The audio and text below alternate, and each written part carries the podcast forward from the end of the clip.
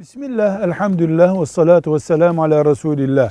Bir tarikata, bir cemaate, bir vakfa girmek istiyorum.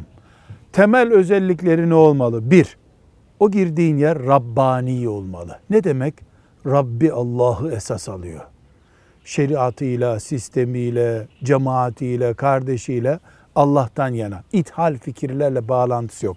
İki, kapsamlı düşünceler olmalı orada.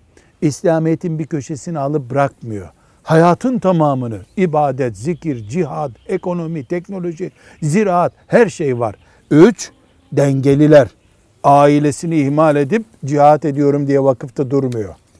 Veya tersini yapmıyor. İbadeti, camisi, her şeyi dengeyle oluyor.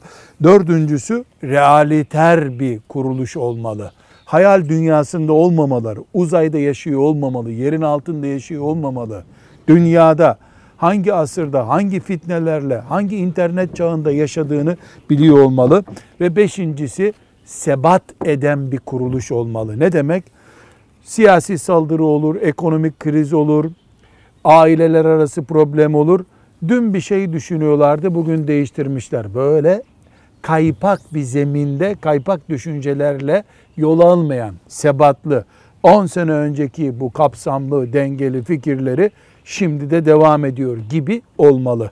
Velhamdülillahi Rabbil Alemin.